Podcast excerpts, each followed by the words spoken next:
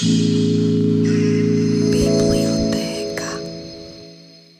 Labdien, raidierakstu bibliotēku klausītājiem! Šodien mēs turpinām iztirzāt pasaku tēmu un to, kā pasakas ir iespējams pielietot cilvēka iekšējo procesu dziedināšanā. Un uz sarunu mēs šodien esam aicinājuši psiholoģiju Elīnu Brīvu. Un Elīna mūs pati atrada pēc tam, kad mēs bijām sociālajos tīklos izplatījuši paziņojumu, kurā mēs aicinājām atsaukties cilvēkus, kuriem ir pieredze ar pasakām un pasaku pielietošanu. Un šajā te podkāstu epizodē mēs Elīnai jautāsim, kā tad pasakas ir noderīgas tajā darbā, ko veic viņa psiholoģiskās konsultēšanas darbā. Sveika, Elīna! Labdien! Varbūt tu varētu īsi iepazīstināt ar sevi, kas tu tāda esi un kā tad tavā darbā ir ienākušas pasakas? Ar pasakām psiholoģiskās konsultēšanas darbā es saskāros jau diezgan sen, kad sāku mācīties specifiski tikai un vienīgi konsultēšanu, kad vēl nebiju sākusi studēt psiholoģiju. Un, cik interesanti, es atceros, ka toreiz man šis instruments nepatika. Mēs konsultēšanā mēģinājām dažādus instrumentus, gan pasakas, gan smilšu spēli, gan strādājām ar sapņiem. Un pasakas bija tās, kas man patika vismazāk. Mm, es vēl pagaidām neesmu atbildējusi sev uz jautājumu, kāpēc. Bet šobrīd, vairākus gadus strādājot specifiski tieši ar atkarīgām personām, esmu atklājusi pasakas kā brīnišķīgu instrumentu, lai uzrunātu klientu, lai veidotu viņa saikni ar realitāti, lai konfrontētu viņu tādā psiholoģiski nevardarbīgā veidā lai motivētu viņu, kas ir viena milzīga, būtiska daļa darbā ar atkarīgajiem. Uh, lai uzstādītu mērķus, lai iedotu pozitīvu prognozi, lai skatītos šo te, nu, tā saucamo pasakās varoņa ceļu. Tātad, kā es varu virzīties uz priekšu, pārvarēt grūtības. Ļoti, ļoti palīdzošs instruments. Es saprotu, ka tu strādā tieši ar atkarīgām personām. Kas ir tas, kas viņiem tajā dzīves ceļā ir jāpārvar? Es atceros, ka tādā profesionālā darba mācību laikā mēs tikām iepazīstināti ar dažādiem, dažādām metodēm, kā strādāt ar šiem klientiem. Un man ir spilgti palicis prātā viens seminārs, kur mūs rosināja būt tādiem, nu, man jāsaka, nu, pat psiholoģiski vardarbīgiem. Nu, tā kā neauklēties un, un, un neiet viņu pavadā un devalvēt un līdz pēdējam, un tad, lai viņi atzīst, kur viņi ir iesastikuši, un, un tad tikai mēs varam sākt strādāt. Un es atminos, ka man, man šī pieeja, es jūtu tādu iekšēju pretestību pret šo. Jo darbā ar, ar atkarīgām personām pirmais, ar ko mēs saskaramies, ir milzīgs noliegums. Tātad viens no pamata psihiskās aizsardzības mehānismiem ir maksimāli noliegt to, ka man vispār ir problēma. Un tad šī devalvēšana un tāda psiholoģiski vardarbīga konfrontēšana, es esmu pieredzējusi, ka tas īsti nestrādā. Ja, jo, jo cilvēks lielā noliegumā, nu, tas, ko viņš gaida, viņš gaida tādu gan pieņemšanu, gan psihoizglītošanu. Jā, mēs varam viņu konfrontēt, un lieliski to varam izdarīt arī ar pasakām, jo pasakām ir brīnišķīgi sižeti, kur mēs varam atrast uh, tādus konfrontējošus jautājumus un aicinājumu salīdzināt savu dzīvi, ja, tātad eh, savu šo te, eh, arī grūtību, šo atkarību ar kaut ko, kas parādās pasakas sižetā. Um, un, nu, un tas noteikti strādā daudz labāk nekā šī de, klienta devalvēšana. Tu atradi pasakas kā instrumentu, kā konfrontēt klientu mazāk vardarbīgā formā. Jā, mēs varam teikt arī tā. Un, eh, un man eh, nācās eh, prakses laikā arī pamanīt kaut kādas dzimuma atšķirības, jo, piemēram, ieslodzījuma vietā man nācās strādāt gan ar vīriešiem, gan ar sievietēm, sākotnēji pamatā ar sievietēm. Un, un, un es sapratu, ka mēs nevaram ņemt jebkuru pasaku un, un izmantot gan vienā, gan otrā šo, šajā dzimumu grupā. Jo, piemēram, sieviešu grupā brīnišķīgi strādāja pasaka par pelnu šķīti nu, ko būtu visai dīvaini un grūti izmantot un pielāgot vīriešu grupā. Kur turpretī, piemēram, šobrīd strādājot ar azartspēļu atkarīgām personām, visbiežāk man nākas pieminēt divas pasakas, un abas ir nu, simboliski par vīriešiem. Viens ir strīdītis, brīnišķīgs instruments, lai strādātu par atkarību, par tādu sevis pārvarēšanu, par tādu personības izaugsmi un atbrīvošanos no atkarības, atkarīgas uzvedības. Un pretī pasaka par diegabiksi kur principā sižets ir ļoti līdzīgs, bet tur ir savas nianses, kuras es labprāt arī izgaismotu saistībā ar atgriešanos mājās. Un vai mēs varētu pāanalizēt, kā tieši šīs konkrētās pasakas palīdz šīm te cilvēku grupām, kas saskars ar šo noteikto problēmu? Mēs tiešām varētu sākt ar šo vīriešu līniju, kā tad tieši kurā vietā tur sprīdītī var atrast kādu atkarību, kādu pārvarēšanu, Elīna, par ko tu runā, vai tu vari mazliet izgaismot? Protams, ka mm, pamatā e, pasakas šo te, tādu, tādu dziļo terapeitisko teiksim, tā, dimensiju e, redzu, e, izprotu un analizēju nu, tikai es. Jo es nevaru klientam tagad ņemt ņemt šo materiālu laukā un atstāstīt. Nu, kas, nu, nu redzi, kas tur tagad ar tevi notiek, kādi aizsardzības mehānismi tev tur strādā un tam līdzīgi. Nu, tik tieši strādāt, protams, ar pasaku ar šiem klientiem nu, varētu būt grūti un, un varbūt pat nepareizi. Bet tas, ko mēs redzam sprīdītī, Un ko uh, pilnīgi noteikti pat pa fragmentiem, ne, nestrādājot uh, ar visu pasaku, ja, kā materiālu, nedodot lasīt vai, piemēram, tu tur analizēt pēc tam, bet izmantojot kaut kādu fragmentu. Uh, nu, piemēram, atceries uh, pasaku par sprīdīti. Un lielākoties, protams, ko klients zina pasaku par sprīdīti. Ja. Uh, Atcerieties, kā viņš devās meklēt laimi pasaulē. Ja? Un, un kas tad ir šī laime? Un, un kas, ir ši, kas ir šis protests, ar ko viņš dodas projām no mājām meklēt laimi? Uh, un, eh, un, un, protams, ka šeit uzreiz ir, šeit uzreiz ir iespēja tādai plašai diskusijai ar klientu, jo, piemēram, azartspēļu atkarīga persona par laimi redzēs nu, vismaz sākotnēji, nu ko, nu veiksmi, ja, laimestus, kontroli, atbrīvošanos no kontroles, kas viņam ir mājās no, no šīm te nu, teiksim, tā, līdzatkarīgajām personām. Tur ir trīs līdzatkarīgas sievietes, pamāte, e, māsa un vecmāmiņa. Ja? Tāds, e, es pat teikšu, es viņus pilnīgi droši varu ielikt tādā, tādā kartmana trīsstūrī. Ja, kur, kur vecmāmiņa varētu būt upuris, kas ļoti cieši no tā, ka mazdēls e, neklausa pamāti, un pamāte būs, tās,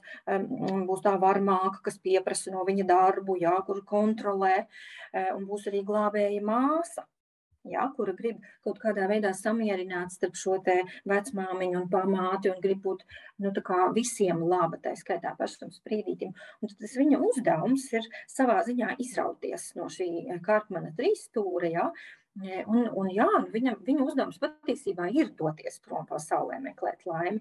Bet jautājums, kas ir tā laime?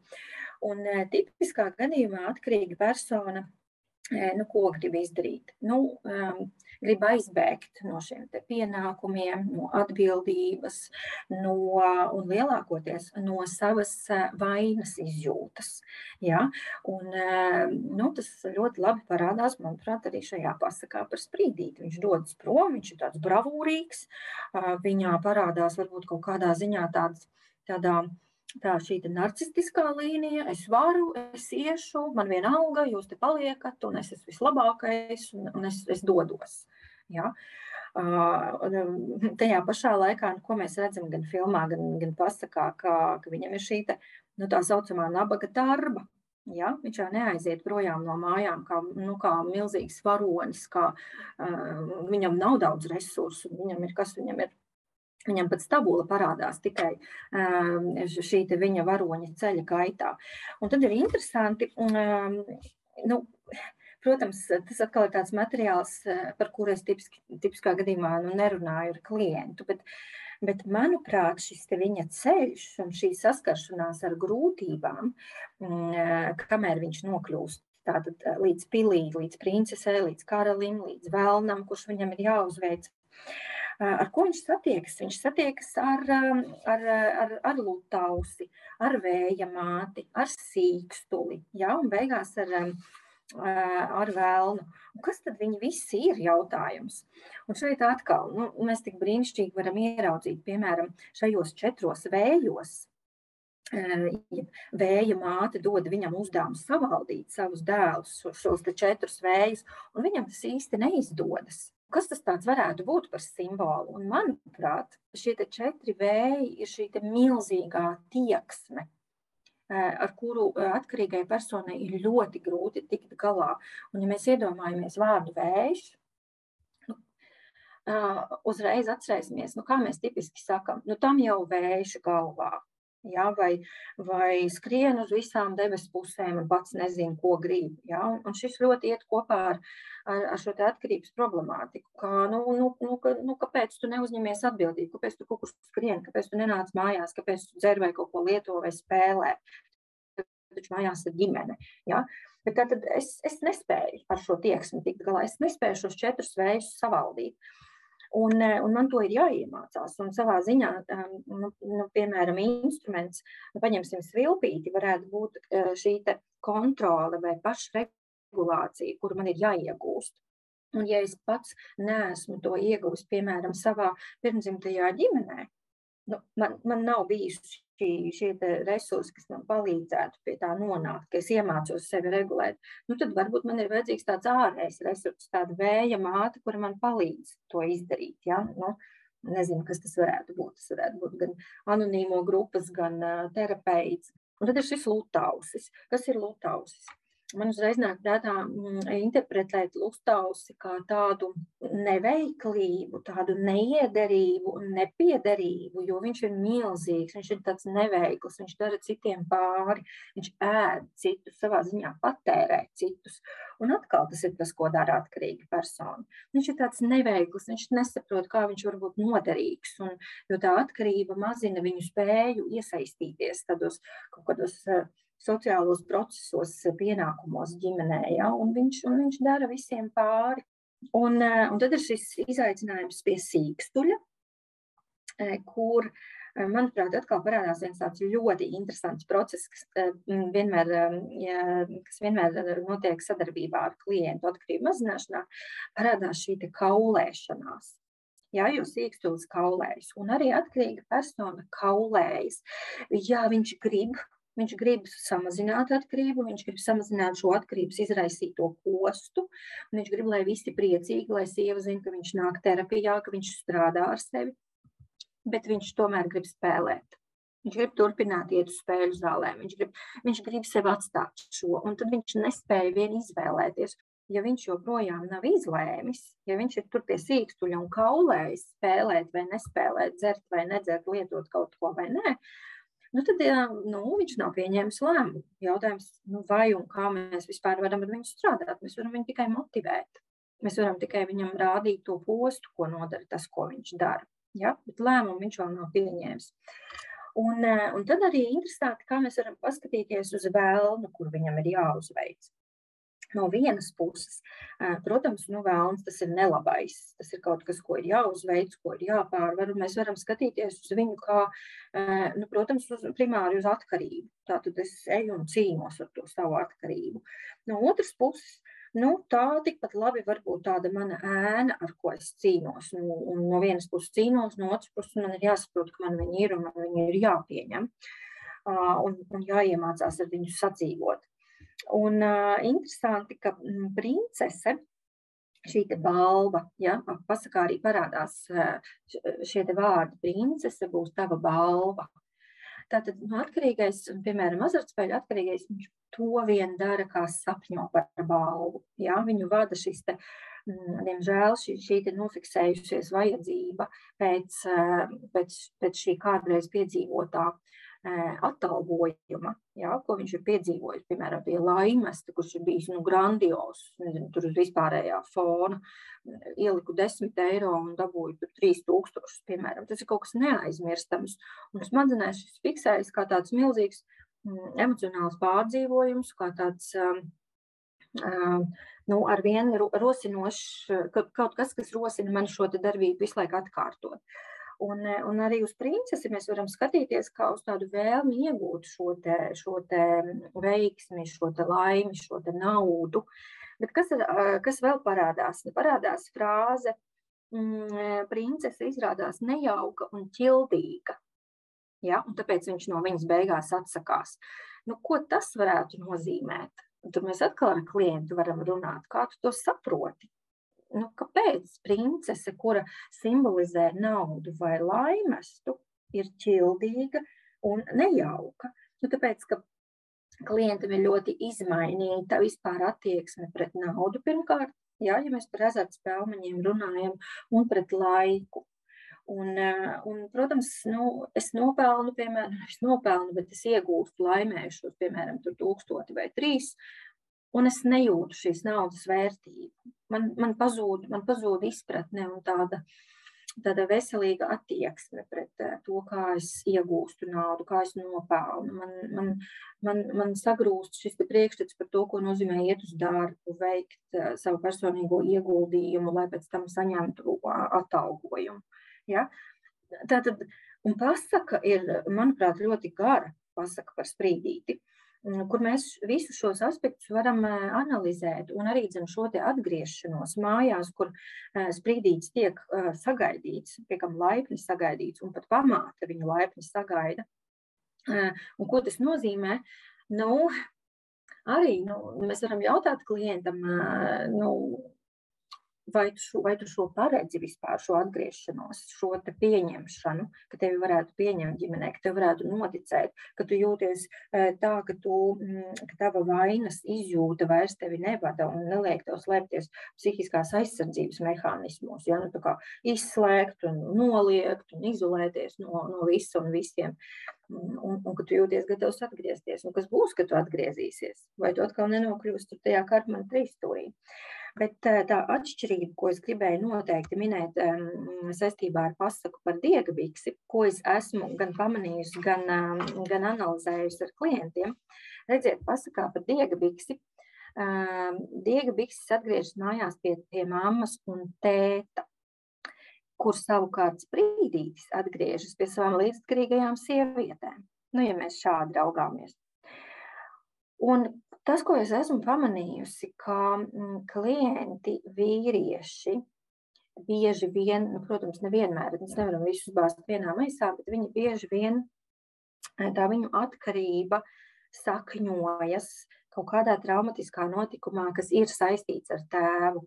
Nu, piemēram, tēvs pats ir bijis atkarīgs un nav bijis ģimenei pieejams vai tēvs ir, piemēram, jā, bijis atkarīgs, bet arī atļāvies nomirt. Tātad pamest ģimeni gan ieejot atkarībā, gan nomirstot, un gan vispār tagad arī tiešām fiziski neklātesošs ģimenē.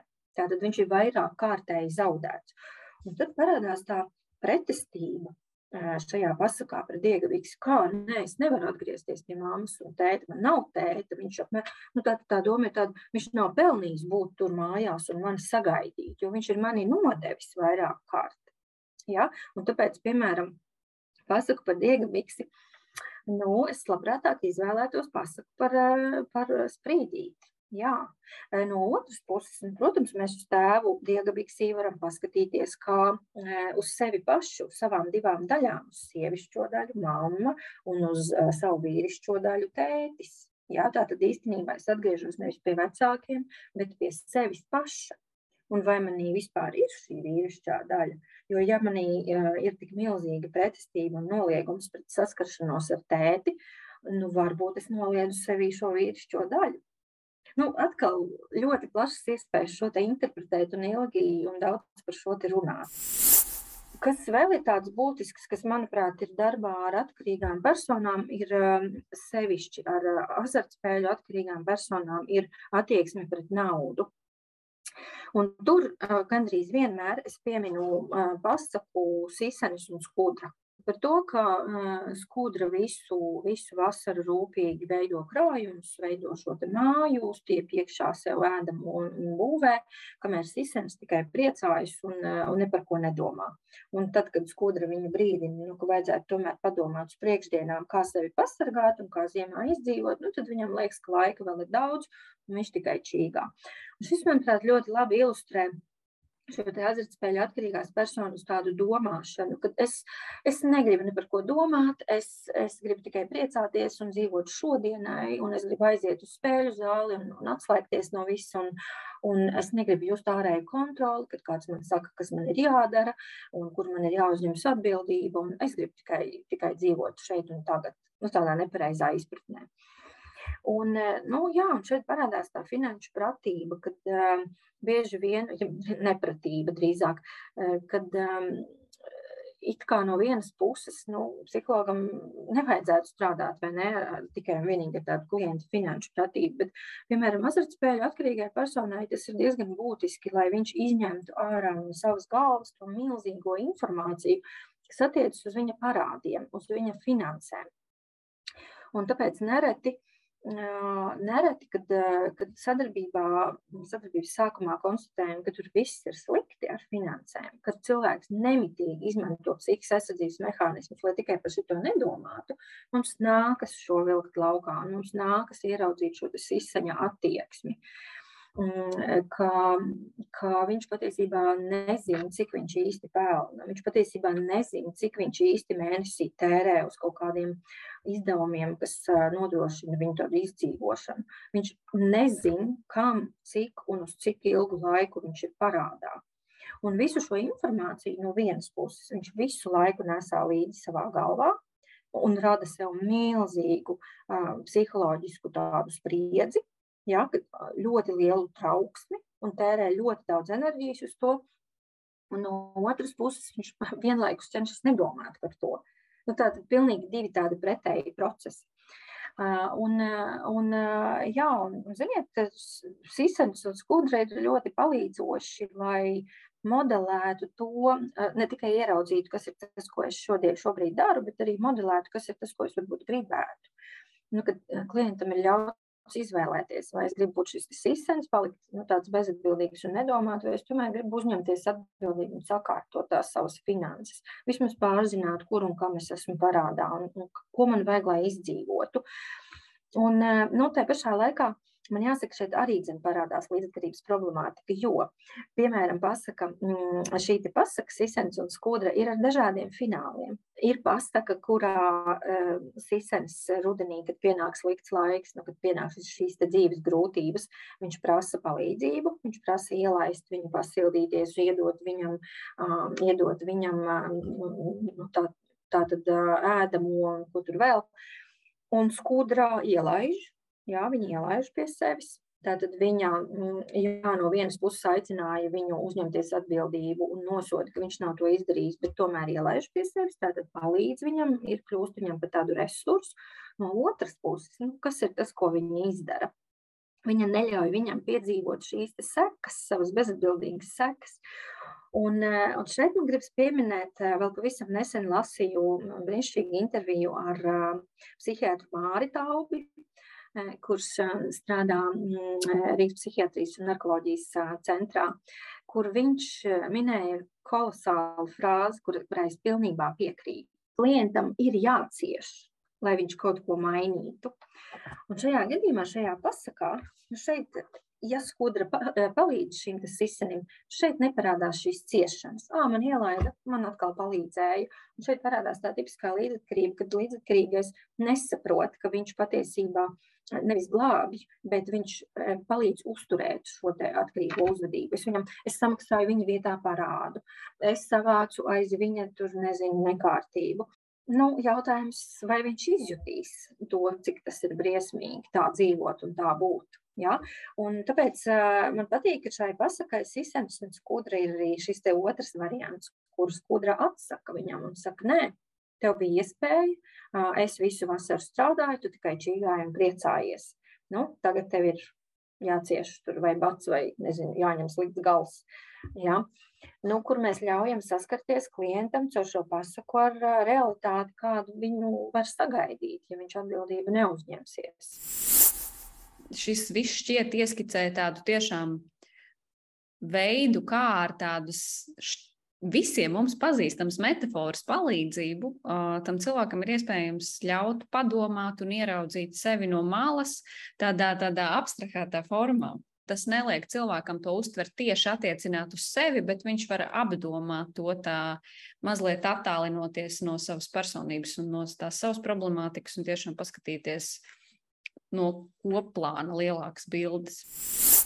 Vai es varu lūgt mazliet ieskicēt, bet tiešām īsi uh, par pelnu šķīti? Kā tad, uh, nu, kā tad tas attīstās tajā sieviešu līnijā, kur pelnu šķīta simbolizē to atkarīgo personu un kā, uh, kā tas izpaužās?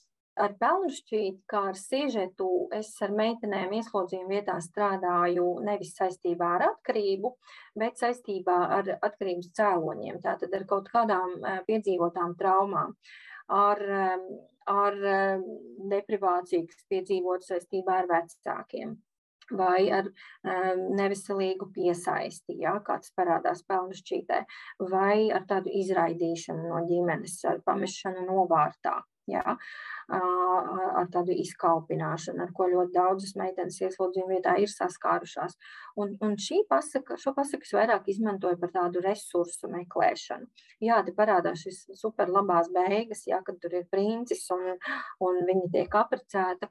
Un tomēr viņai arī dzen, ir, ir, ir kaut kas jāpārvar, viņai jāiemācās šķirot pirmkārt, ja, jo tas viņas uzdevums ir izšķirot, nu, kas nu tur bija ziedņi no, nu nav svarīgi no kā, bet šis šķirošanas process viņai liek, nu, ko, nu, ko mēs varam ar to saprast, tādu izvērtēšanu, pārvērtēšanu, eh, varbūt iespējams kaut kā sliktā nošķiršana, nodalīšana, ka šo man nevajag, bet šo es paturēšu. Tā ir arī pacietība, kas ir ļoti svarīga, kad es strādāju ar kaut kādām savām grūtībām, tā skaitā atkarību. Un, eh, un, eh, un tur parādās šie ārējie resursi, mm, šis ķērbis, kas pārvēršas eh, par karieti, šīs te pēles, kas pārvēršas par kučieriem, kuras savā dzīvē varu atrast un saskatīt iespējams līdz šim nepamanītus resursus, vai varbūt pati var iet un tos atrast. Ja, tātad, kas man var palīdzēt ceļā uz to manu labo mērķi? Uh, Nu, jā, vairāk, vairāk par resursiem un par tādu pozitīvo prognozi, par mērķiem, mazāk par atkarību. Atkarības es tur īsti nekad nepie, nepievilku šajā pasakā. Katra pasaka kalpo savam mērķim. Tā kā tu sākumā teici, viens, lai konfrontētu, otrs, lai meklētu resursus, trešais, lai atspoguļotu iespējamais scenārijus, piemēram, tas pats sisens un skudra. Jā, un atkal Jā. tādas, un vienlaikus, piemēram, tas sisens un skudra saka priekšā scenārijus ne tikai tam pašam atkarīgajam, bet arī līdzatkarīgajam. Man šķiet, tas arī ir būtiski. Pilnīgi noteikti. Un vēl kas ir ļoti būtiski, kad mēs strādājam ar atkarībām, nu, ka tur pastāv šī, šī iespēja piedzīvot recidīvu tātad krist atpakaļ. Un eh, klienti ļoti bieži šo dramatizē un katastrofizē. Ja jau ar mani šis notika, nu tā tad eh, darbs nav bijis tā vērts, un es neko nevaru, un man nekas nesanāks. Un, eh, un to savukārt palīdz saprast, tā pasaka par slinko audēju, kura aizbēg no mājām, jo viņi neredz iespēju noaust šo vadmalu, bet ieraug putniņu, kurš knābā akmeni. Ja? Arī visiem zinām pasaka, kas māca par to, kā nu, kā nenobīties no darba, kā nenobīties no visa tā priekšā, kas mani vēl gaida, kā būt pacietīgam un, un knābāt to darbu, kā to dara putniņš ar akmeni. Un tad katrai situācijai sava pasaka. Pilnīgi noteikti. Man pašai vissvarīgākais liekas tas, ko uzsvēri arī tu, ka pasakā ļauj mm, klientam vispirms strādāt ar tēlu, kas ir pasakā vai tēliem, it kā distancējoties no sevis paša, bet tas viņā noņem šo spriedzi par to, ka viņam vajadzētu aizsargāties, par to, ka viņam vajadzētu izmantot uh, psihiskās aizsardzības mehānismus. Un tad, kad viņš jau ir ļoti brīvi analizējis pasakā notiekošo, tad mēs ļoti nevardarbīgi pārējām pie tā, nu, kur, tu, nu, kur tu pats redzi līdzību jā, savā dzīvē. Tas ir tas, kas man patīk vislabāk, un tas, ka pasaku nav obligāti jāizmanto pilnā tās garumā. Mēs varam izmantot fragmentus. Lielas tev paldies par informāciju. Man šķiet, ka bija tiešām ļoti, ļoti bagātīgi un uh, šo tēmu atspoguļojoši un vienlaikus uh, interesanti ir paskatīties no uz pasaku no pilnīgi tāda cita rakursa. Ja, kad, kad nevis tā, ka, teiksim, jā, nu, tur simbols nozīmē to, simbols nozīmē to, bet kā tieši konkrētā situācijā viena pasaka ir interpretējama, lai viņa būtu palīdzoša. Un, jā, liels tev paldies par sarunu. Es ceru, ka mūsu klausītājiem arī bija interesanti. Un tiekamies citās bibliotekas raidierakstu epizodēs.